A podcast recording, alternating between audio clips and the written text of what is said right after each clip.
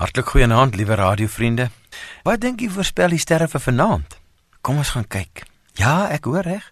Iemand sê, "Nico, dominees ontmoedig ons gewoonlik om te kyk na wat die sterre voorspel." Waar kom jy nou vandaan om te sê ons moet gaan kyk wat die sterre voorspel?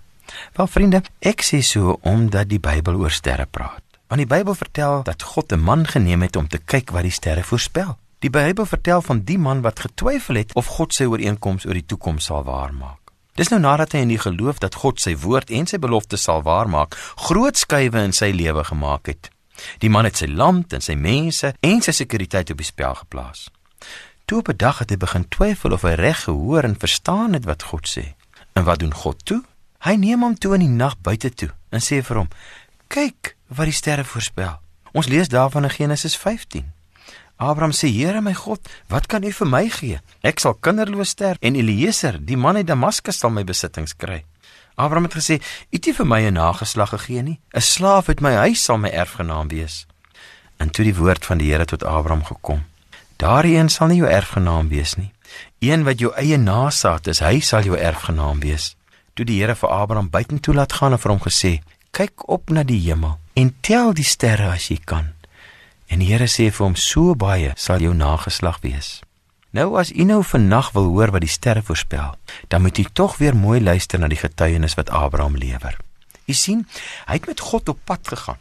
In die geloof het hy agter God aangetrek na 'n vreemde land toe. In die proses het hy al die kante van die lewe leer ken.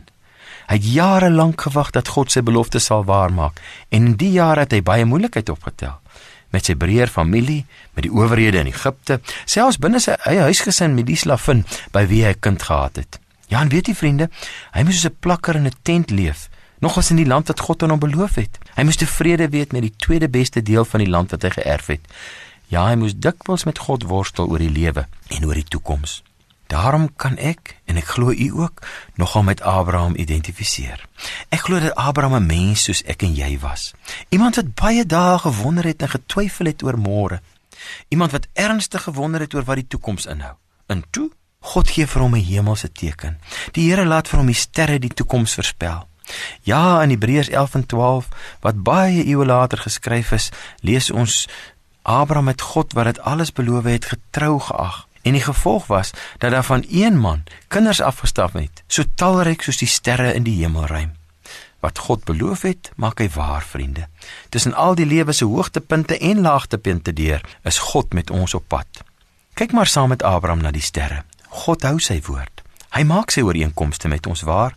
En as jy begin twyfel aan God en in die sin van jou lewe om 'n dinge swaar gaan, om 'n dinge onseker is en stadig vorder en bedreigend is en dalk anders is as wat jy gehoop het, Onthou, God het jou hand gevat vir die lewenspad. Hy sal nie van jou vergeet nie. Hy sal jou nie begewe nie. Hy bly getrou.